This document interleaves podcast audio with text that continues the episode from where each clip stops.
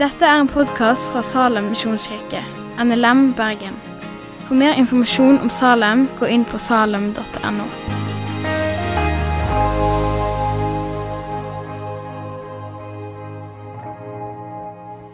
Veldig hyggelig å være her, ja. Og veldig hyggelig å ha første søndag i advent her i Salem. Nå, jeg syns det her er en sånn fin tid, for nå er det, det, det er lenge at det blir litt mørkere og mørkere. Og det gjør det jo fortsatt. Det blir mørkere, mørkere og mørkere ute. Men så nå begynner det samtidig å bli lysere og lysere. Det er veldig deilig. Deilig å kunne tenne lys, og at det nærmer seg jol.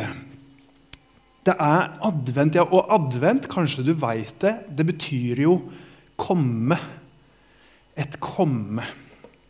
Vi venter på han som skulle komme, og vi venter på han som skal komme. Gud han kom til jord, han ble et menneske, og så skal han en dag komme tilbake.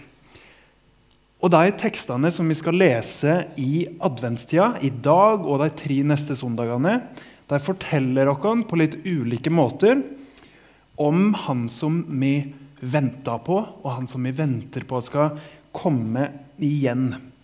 Vi får litt innblikk i hvem Jesus er, og det, det vi faktisk venter på.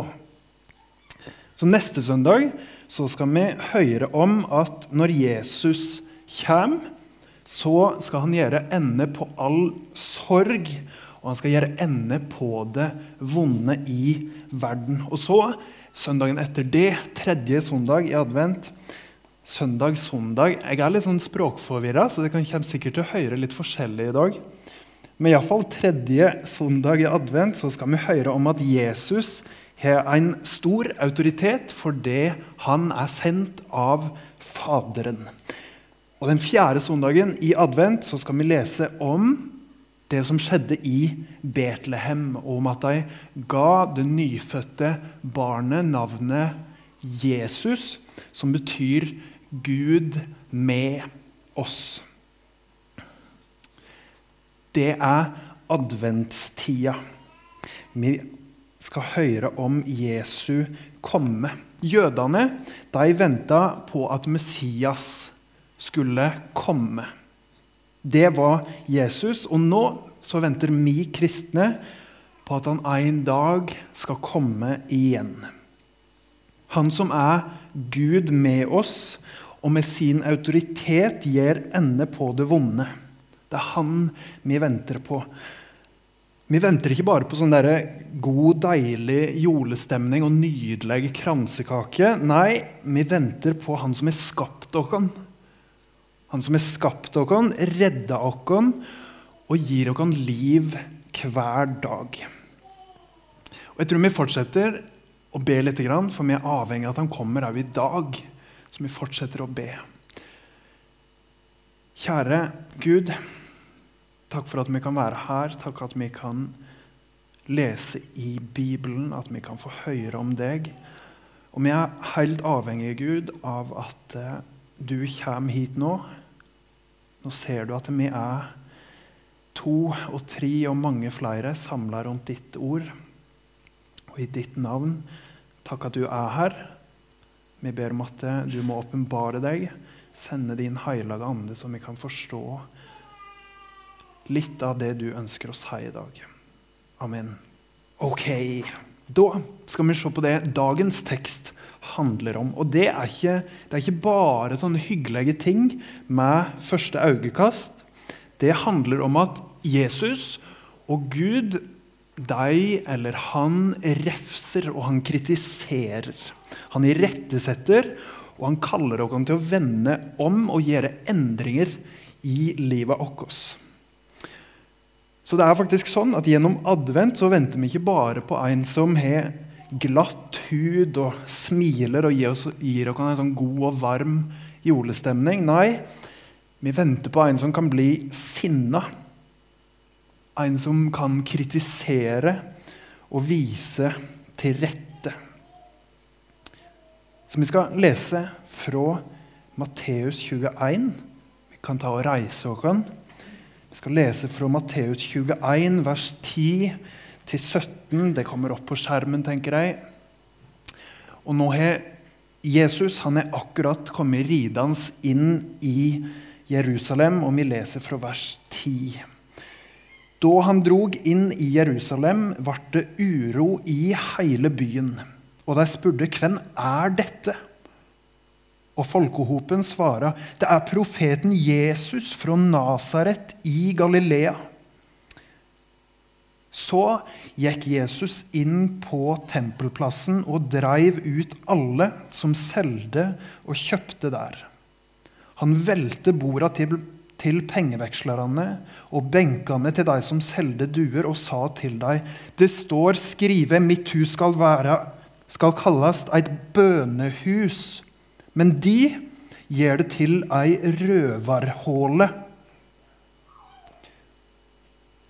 På tempelplassen kom noen blinde og lamme til han, og han lekte dem. Men da overprestene og de skriftlærde så undra han gjorde, og hørte borna som ropa i heilagdommen, Hosianna, Davids sønn, ble de arge og sa til han, Hører du hva de sier? Ja, svarer Jesus. Har de aldri lese dette ordet? Fra, munnen på småbarn og spedbarn har du late lovsang lya. Så gikk han fra deg og ut av byen til Betania. Der var han om natta. Det er Guds ord, og vi kan sette oss ned igjen.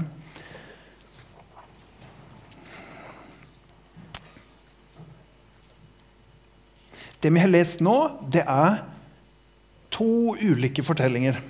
Vi har lest om at Jesus han velter bord og lager bråk på tempelplassen. Og så har vi lest om at han helbreda folk, og at han blei hylla av barna. Vi skal fokusere på den første biten, der Jesus klikker og velter bord. Jeg tror vi får en slide opp på teksten som bare har den. Det er iallfall den biten der Jesus kritiserer deg som kjøper og selger. De som hadde skitna tid og ødelagt det som tempelet virkelig var, og det tempelet virkelig skulle være. Og Litt av poenget til Jesus her det er nok at han kritiserer tempelet i seg sjøl for å vise at tempelet, tempelet sin tid den var forbi. Pga. Jesus så skulle den nå kunne be til Gud i ånd og sannhet hen som helst, uten at den trengte å være i tempelet. Tempelet sitt tid var forbi. Og så var nok litt av poenget til Jesus òg at eh, han ville kritisere de som drev med penger og handel i tempelet, og de som hadde tillatt at det skjedde. Så her ser vi at Jesus han gikk ikke bare og gjorde folk fornøyde og rolige og fikk julefred. Han provoserte mange. Veldig mange. Han kritiserte og viste til rette, og han kom med pekefingeren. Og Her ser vi til og med at han flipper bord, velter bord, der han mente at det var på sin plass. Så i dag så skal vi spørre spørsmålet hva er det Jesus kritiserer oss for? Eller på norsk hva kritiserer Jesus oss for? Bibelen sier at vi kristne nå er vi Guds tempel. Nå er det ikke tempelet Jerusalem som er det ekte tempelet, men vi er Guds tempel. Og vi må spørre oss Åssen bord er det Jesus hadde velta hvis han hadde vært her i dag? Jeg ser det at jeg er veldig utsatt hvis han begynner å velte bord. Det er ikke så mange bord her inne. Jeg står vel med det eneste, nesten. Så hvis han bokstavelig talt hadde velta bord, så hadde det gått utover meg. Og jeg tror det hadde påvirka meg, enten det var bokstavelig eller ikke. Det skal vi snakke om i dag.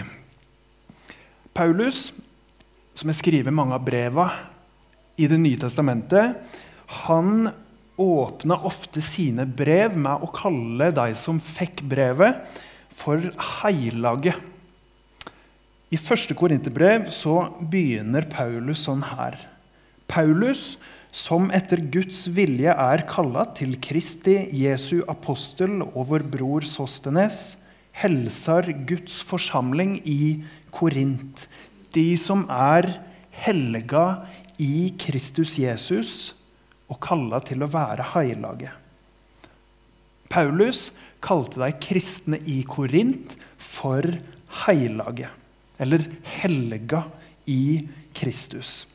Men når vi leser videre i første og andre korinterbrev, så tenker vi Hjelpe meg! Her, her, er det mye som ikke ser så veldig heilagt ut. Åssen gjeng er egentlig det her? Paulus han begynner med å kalle dem for heilage, for det var de. Og så begynner Paulus å peke på ting som ikke var sånn som det skulle. De som egentlig skulle stå sammen som én heilag familie, de hadde begynt å dele seg opp i ulike grupper som sto opp mot hverandre. De her korinterne, de kristne som egentlig skulle vise hverandre raushet og nåde, de begynte å gå til rettssak mot hverandre pga. sånne små filleting. Og de rike blant de kristne i Korint, som ikke skulle se på seg sjøl som noe bedre enn de fattige, de starta opp en sånn eksklusiv klubb blant de her kristne. En klubb som bare var for de rike. De kristne i Korint de var heilage, og Paulus refsa dem. Paulus refsa dem fordi han ikke ville at de skulle leve som noe de ikke var.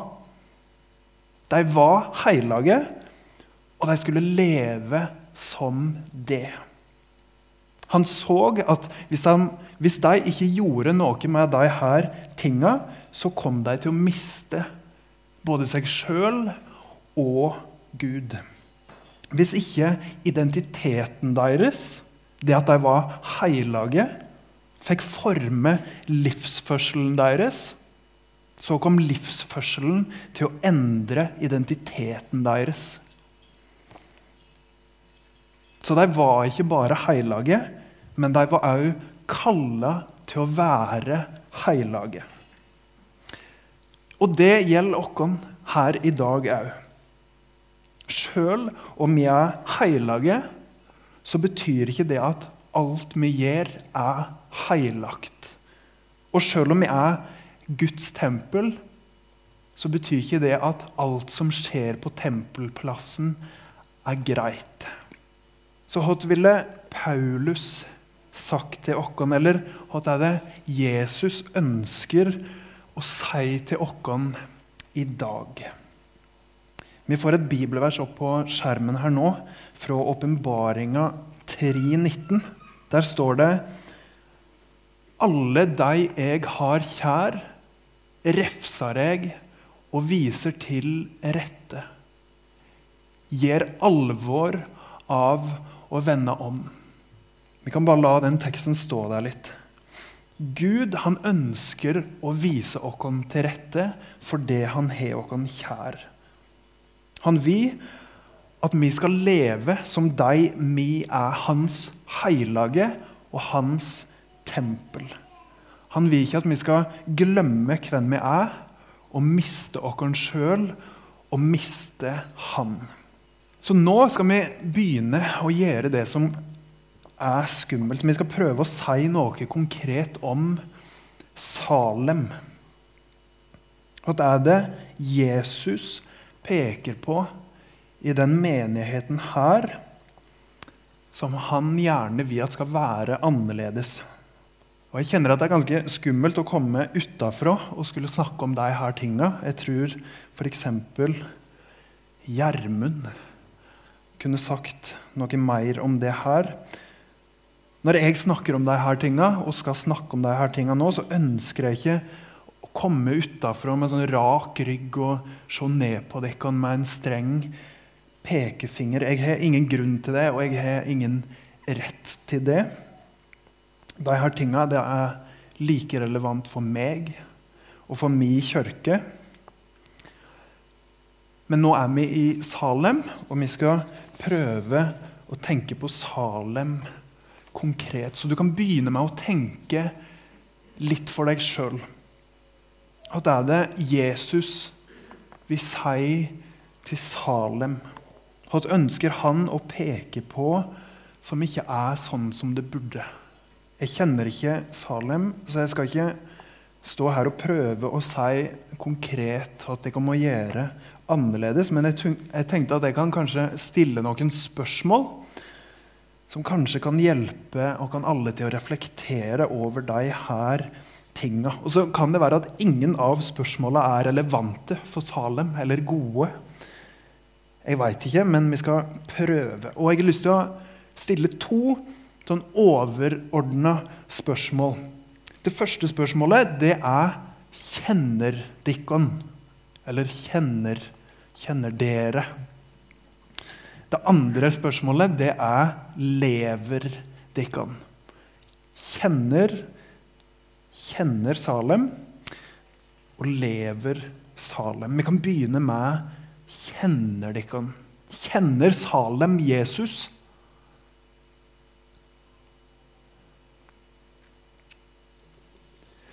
Salem står i en stolt tradisjon av å vite hvem de tror på. Paulus han sa til korinterne at han ville ikke vite noe annet hos deg enn Jesus og han krossfest. Og Salem står det en tradisjon som jeg tror vi kan si at tar det her på alvor, og ønsker at det skal bli en realitet.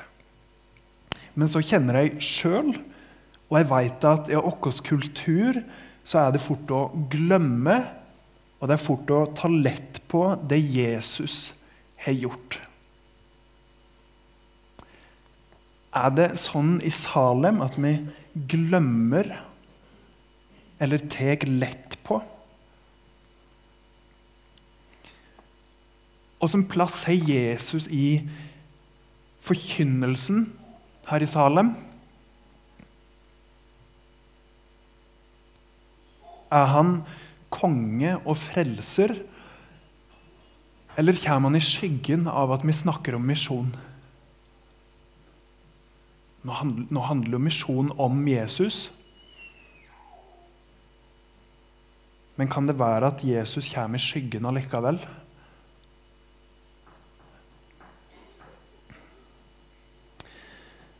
Eller har det å gå i Salem blitt så sjølsagt at det går litt sånn på repeat? En reiser til Salem, og så setter han seg ned i stolen, og så reiser han seg og setter han seg på rett tidspunkt under gudstjenesta. Heldigvis var ungene i godt humør i dag. Og Så skal han slå en prat med de, borte, de der borte, og så reiser han hjem. Og Så reiser han i Salem, setter seg ned, reiser seg opp, prater med de der borte, reiser hjem igjen. Og nå nå er det ingenting som er feil med de her tinga. Det er jo helt fantastisk at det å gå til gudstjeneste kan være en ting som er så naturlig. Men av og til så kan vi kanskje spørre oss sjøl Husker vi på at Jesus ønsker at vi skal bli kjent med han her i Salem? Her på gudstjeneste? Forstår dere hvor stort det er det Jesus har gjort. Prater dere om Jesus etter gudstjenesta? Den syns jeg, jeg er hard. Tar han med seg Jesus inn i praten og tankene etterpå, eller blir Jesus sittende litt sånn fast i nattverdsvinen her framme etter gudstjenesta? Jeg veit ikke. Jeg kjenner ikke Salem. Jeg veit ikke. Men kjenner Salem Jesus? Det var det første spørsmålet. Og nå over til det andre spørsmålet. Lever Lever Dekon? Lever Salem? Får det som skjer her inne, noe å si for måten de kan leve sammen med hverandre på? Og får det noe å si hvordan de kan møte Bergen og verden på? Lever de kan ut det de kan tror på? For eksempel Salem dere som er her inne, og resten av Salem, er en familie. Salem er en kropp som skal fungere sammen. Og den kan ikke klare seg uten at den står sammen. Når var det sist at du ble kjent med et av søskna dine her som du ikke kjente fra før? Hvor lenge er det siden?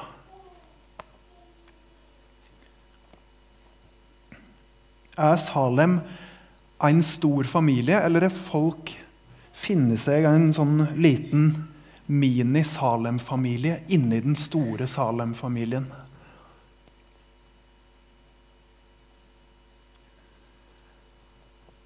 Ja, det er ubehagelig å stille her spørsmålet. Åssen er, eh, er, det for deg som har gått på gudstjeneste på lørdag, og så har du lyst til å begynne på søndag formiddag? Blir de en del av den, det fellesskapet som er på søndag formiddag her inne? Eller burde de helst eh, gifte seg og få unger først for å føle at de passer inn her?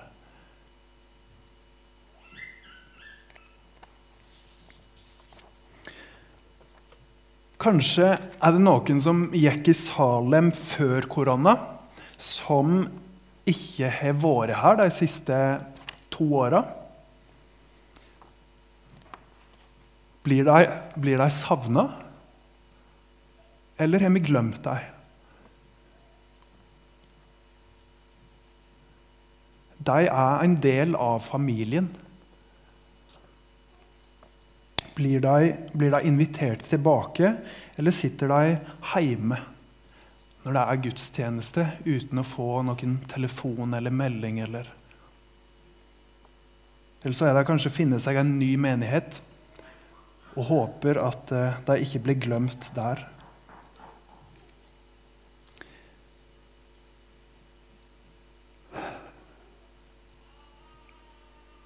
Får folk i Bergen høre om Jesus pga. at Salem fins?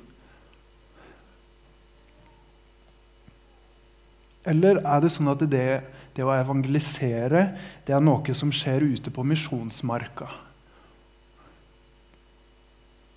Vi har jo sendt ut folk til Asia. De skal, de skal evangelisere, og så skal vi be og gi. Ja, ja, det er jo sant, men skal Salem òg evangelisere? Og så nå er ikke poenget mitt, eller målet mitt, å være en sånn der morsk pekefinger som kommer fra ei lita bygd inn til Bergen og snakker om det her. Eller det blir jo kanskje på en måte målet òg, da, når det er denne teksten som vi har. Men eh, det her er ting som jeg syns er utrolig vanskelig. Og det er kanskje det er kanskje akkurat derfor jeg har kommet på de her spørsmåla å stille. Fordi jeg syns det er vanskelig i mitt eget liv. Vi trenger alle å bli kritisert av Jesus. Vi trenger alle å bli irettesatt på noen områder. Salem trenger det. Vi må ikke miste oss sjøl. Salem er Guds heilage. Salem er Guds tempel, og Salem er kalla til å være heilage.